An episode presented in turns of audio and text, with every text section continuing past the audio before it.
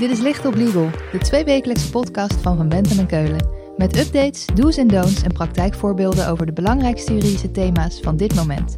Pragmatisch vertaald naar de impact op jouw organisatie. Gebracht door onze eigen experts. Een rechtsgevolg dat heel vaak over het hoofd wordt gezien, is het recht van de schuldeiser om de overeenkomst geheel of gedeeltelijk te kunnen ontbinden. De uitbraak van het coronavirus heeft ons gebracht in de grootste naoorlogse crisis tot nu toe. Iedereen wordt geraakt. Veel bedrijven moeten daarom maatregelen nemen om het hoofd boven water te houden. Een van die maatregelen is het openbreken van bestaande contracten. Want is deze situatie niet simpelweg overmacht? En kun je dus onder je contract uit? In deze Licht op Legal praten we daarover met Marcel Ruigvoorn. Hij stelt zich even voor. Mijn naam is Marcel Ruigvoorn. Ik ben partner bij Van Bentem Keulen en geef leiding aan de praktijkgroep Commercial Contracting en Dispute Resolution. Marcel krijgt op dit moment dagelijks vragen van bedrijven over de mogelijkheden om contracten op te zeggen als gevolg van overmacht door corona. Maar Marcel, overmacht, hoe zat dat ook alweer? Dan moeten we een onderscheid maken tussen de positie van de schuldenaar en de positie van de schuldeiser.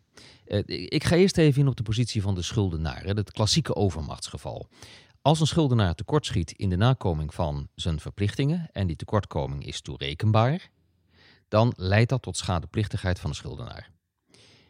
Op het moment dat er sprake is van overmacht, ontbreekt de toerekenbaarheid aan de tekortkoming en leidt dat er dus toe dat de schuldenaar niet aansprakelijk is voor de schade die de schuldeiser leidt als gevolg van de tekortkoming. Nou, wat is overmacht? Wanneer is een tekortkoming niet toerekenbaar? Dat is het geval als die tekortkoming niet krachtens schuld, wet, rechtshandeling, lees overeenkomst, of de in het verkeer geldende opvattingen voor rekening van de schuldenaar komt. Oké, dus samengevat. Als je als schuldenaar, als leverancier dus, je product of dienst niet meer kan leveren door omstandigheden waar je niets aan kan doen, zoals dat in de wet staat.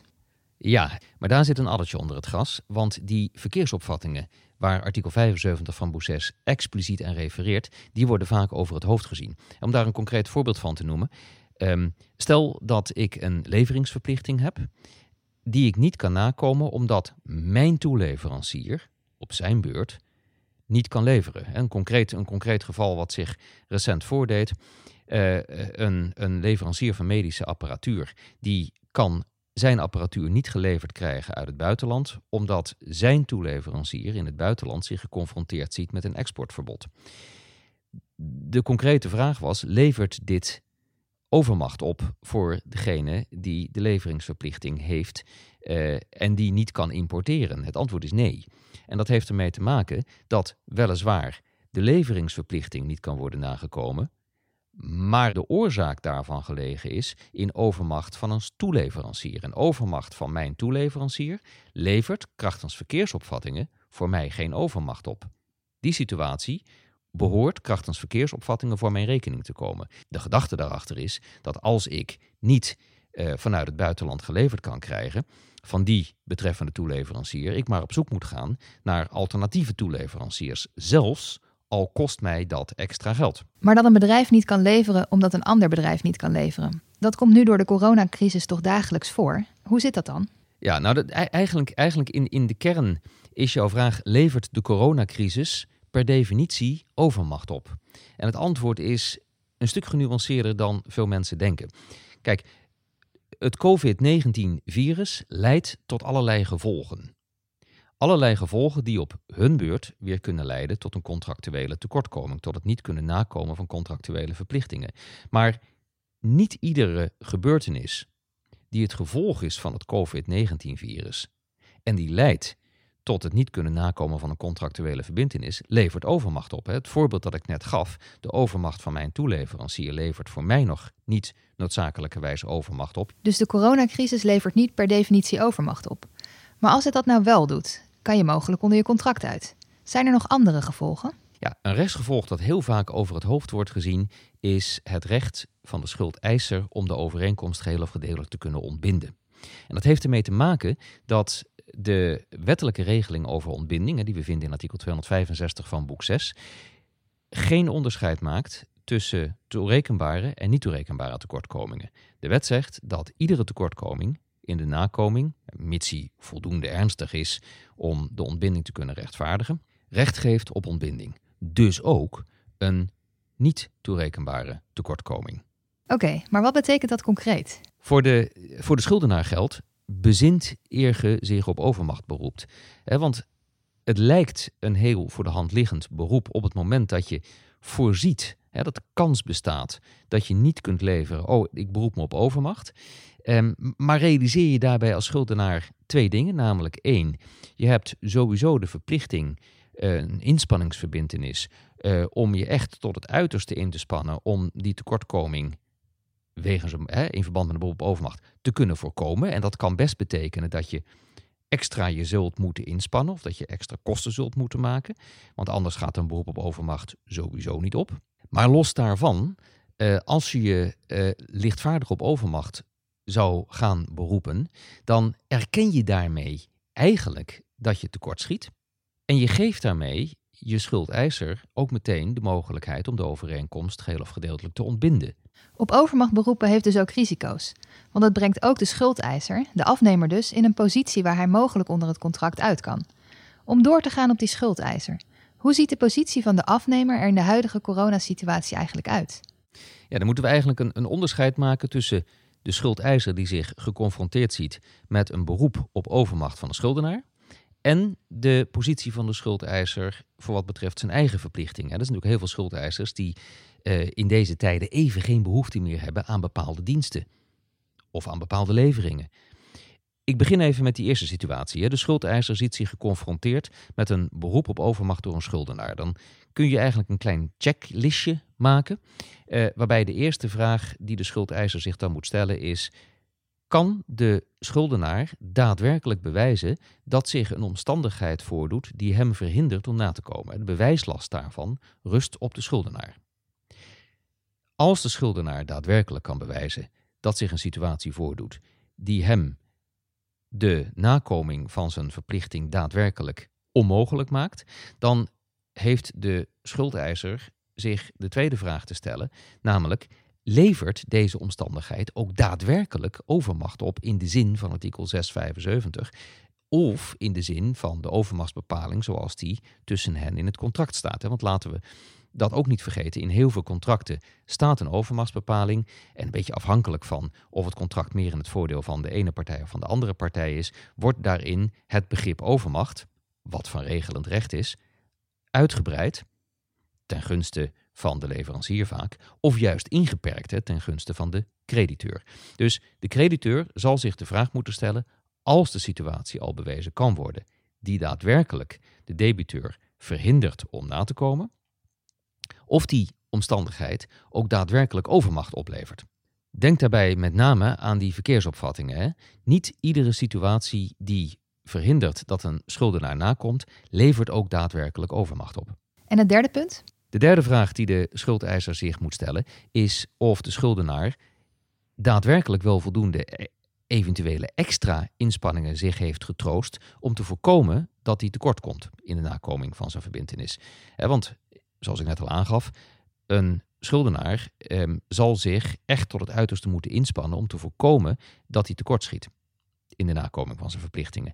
Eh, ook als hem dat extra inspanningen of misschien wel extra geld kost. Dat moet natuurlijk altijd wel binnen de grenzen der redelijkheid zijn. Maar hij moet die inspanningsverbindenis wel nakomen. Dus samengevat moet je op drie dingen letten als je als schuldeiser wordt geconfronteerd met een beroep op overmacht. 1. Is het bewijsbaar? 2. Levert die omstandigheid ook naar verkeersopvattingen echt overmacht op? En 3. Heeft de schuldenaar er alles aan gedaan om te voorkomen om in die positie te komen? Maar hoe zit het nou in de situatie dat jij als schuldeiser, dus als afnemer, de dienst niet meer wil hebben? Het antwoord op die vraag is uh, een stuk genuanceerder. In eerste instantie hangt het ervan af of de schuldeiser verplicht is, contractueel verplicht is, om de schuldenaar in staat te stellen om zijn prestatie te verrichten. De hoofdregel is dat een schuldeiser daartoe geen contractuele verplichting heeft. Maar als hij de schuldeiser desalniettemin niet in staat stelt om na te komen, komt hij wel hetzij in schuldeisersverzuim te verkeren, hetzij in schuldeisers overmacht. Dus de hoofdregel is dat je degene die aan jou levert niet in staat hoeft te stellen om te kunnen leveren. Maar dan raak je wel in verzuim, tenzij er overmacht is. Laten we beginnen bij verzuim. Hoe zit dat? De rechtsgevolgen van schuldeisersverzuim zijn geregeld in de wet. En ehm, dat zijn uiteenlopende regels. Bijvoorbeeld, uh, zolang het schuldeisersverzuim voortduurt, kan de schuldenaar niet, niet zelf in verzuim raken. Ehm, partijen kunnen naar de rechter om de rechter te vragen de overeenkomst te ontbinden of de gevolgen daarvan te wijzigen. Enfin, in, de, in, de wet uh, zijn de gevolgen van crediteursverzuim uh, vrij uitvoerig geregeld. Even weer naar dat schuldeisersverzuim. Je noemt een aantal dingen. De schuldenaar kan daardoor zelf niet in verzuim raken. Je kan de rechter vragen naar het contract te kijken. Maar dat klinkt voor mij allemaal niet heel vervelend. Als ik nu een bedrijf in moeilijkheden ben door het coronavirus, dan blijf ik toch gewoon lekker de komende zes maanden in verzuim en zie ik daarna wel weer. Ja, het, enkele gegeven dat er sprake is van schuldeisersverzuim, eh, vrijwaart je niet eh, zonder meer van allerlei verplichtingen. Hè. Wat ik net aangaf, uh, de wet regelt de gevolgen van schuldeisersverzuim. Uh, en dat kan wel degelijk onder de streep tot schadeplichtigheid leiden van de schuldeiser. Uh, weliswaar uh, zal daar uiteindelijk de rechter aan te pas moeten komen. Um, maar een crediteur, een schuldeiser, uh, die denkt slim te zijn door zich op schuldeisersverzuim te beroepen, zou zijn trekken nog wel eens thuis kunnen krijgen onder de streep via de weg van artikel 60 van boek 6 als de schuldenaar zich daarop beroept. Oké, dus onder de streep kan het tekenen dat je gewoon moet betalen en de leverancier de dienst moet laten leveren, zoals dat in het contract staat. Ja. Daar komt bij dat in heel veel contracten wel degelijk een bepaling is opgenomen eh, die de schuldeiser verplicht om de schuldenaar in staat te stellen zijn prestatie te verrichten. Als dat het geval is, of er kan via de weg van artikel 248 eerste lid BW een dergelijke verplichting in het contract worden gelezen, dan levert de weigering van de schuldeiser om de schuldenaar in staat te stellen zijn verplichtingen na te komen gewoon sneurt een tekortkoming op. Die tekortkoming is dan in beginsel toerekenbaar. Behoudens gevallen van schuldeisers overmacht, hè, waar ik zo meteen nog iets over zal zeggen. Um, maar als die tekortkoming daadwerkelijk toerekenbaar is, ja, dan, dan geeft dat de schuldenaar het recht de overeenkomst geheel of gedeeltelijk te ontbinden of om schadevergoeding te vorderen. Dus daar schiet de crediteur dan eigenlijk helemaal niets mee op. Helder. Maar hoe zit het dan met schuldeisers overmacht? Als we het hebben over schuldeisersovermacht, dan is het interessant om vast te stellen dat de wet daar eigenlijk helemaal niets over zegt. De gevolgen van schuldeisersovermacht zijn niet in de wet geregeld. Algemeen wordt aangenomen dat die gevolgen enkel en alleen worden beheerst door de redelijkheid en billijkheid. En in de literatuur gaan stemmen op eh, om in een zodanig geval de pijn maar zoveel mogelijk 50-50 tussen beide partijen te verdelen. De vraag is of dat in alle omstandigheden natuurlijk recht doet aan de concrete situatie. We zien, we zien daar eh, in de vogelpestcrisis voorbeelden van, waarin daar toch wat genuanceerder tegenaan wordt gekeken en de pijn op een iets andere wijze wordt verdeeld dan op een 50-50 manier. Kortom, hoe de pijn bij overmacht wordt verdeeld, daar is geen harde regel voor. Dat wordt naar omstandigheden van het geval bepaald. Maar toch nog weer die vraag. Is die coronacrisis voor mij als afnemer, als schuldeiser, nou een situatie van schuldeisersovermacht? Ja, ik snap je vraag. Um, we hebben het net gehad over uh, de vraag of het COVID-19-virus overmacht, hè, altijd overmacht oplevert voor de schuldenaar. En, en nu is je vraag, hoe zit dat ten opzichte van de schuldeiser? Ja, daar geldt eigenlijk hetzelfde voor als wat in een schuldenaarsovermachtssituatie geldt. Het COVID-19-virus leidt tot allerlei feitelijke gevolgen. Die feitelijke gevolgen kunnen op hun beurt leiden tot schuldeisersovermacht. Um, maar dat is niet per definitie het geval. Hè. We moeten altijd wel blijven nadenken eh, en goed kijken naar de verkeersopvattingen. Of een bepaalde feitelijke gebeurtenis die het gevolg is van het COVID-19-virus in de concrete situatie voor een schuldeiser ook daadwerkelijk leidt tot een geslaagd beroep op schuldeisersovermacht. Oké, dus overmacht is nu in tijden van corona niet een contractuele get out of jail for free card. Nee, het ligt echt genuanceerder. Hè. Je, moet, je moet heel nadrukkelijk kijken naar wat partijen omtrent overmacht hebben afgesproken in hun contract.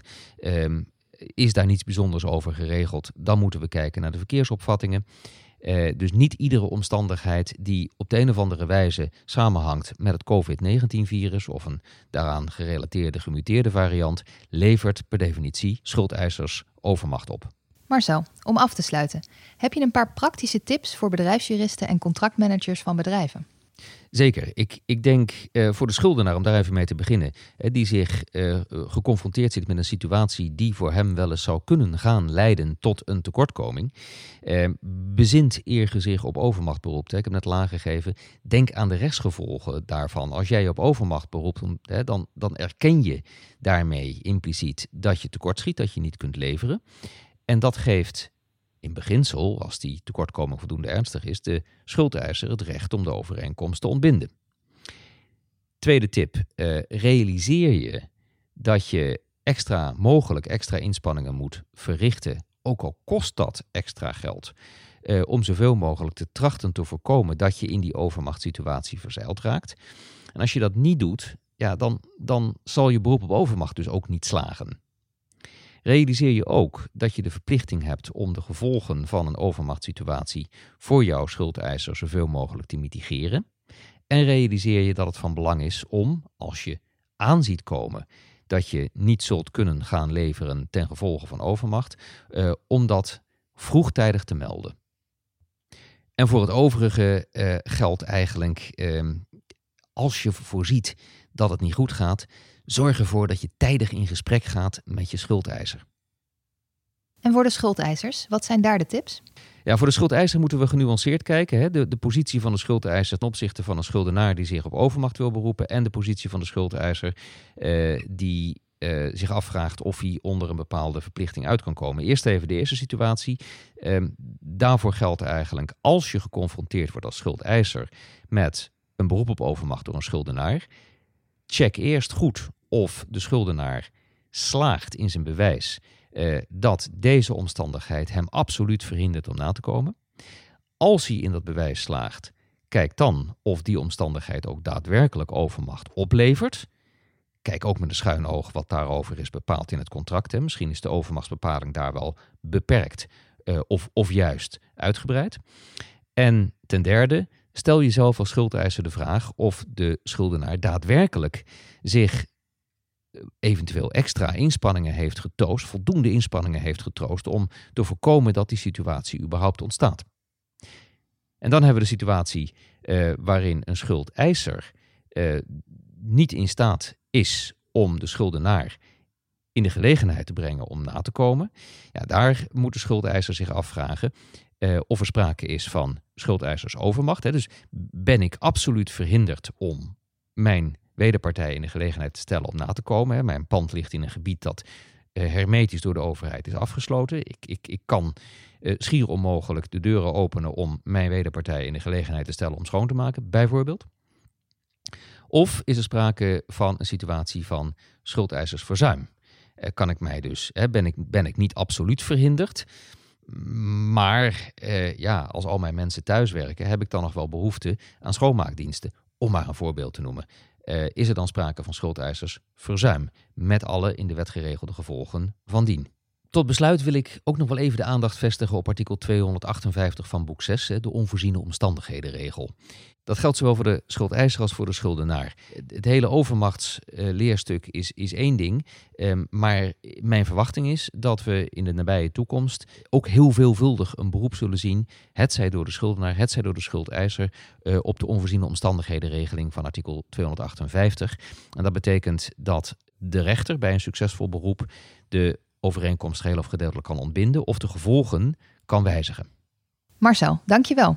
Als we meer willen weten over hoe je moet omgaan met contracten en overmacht in tijden van corona, waar kunnen we dan terecht? In eerste instantie verwijs ik naar onze website, de website van Van Bentem en Keulen. Daar is een aparte coronapagina ingericht en daar staan tips en tricks.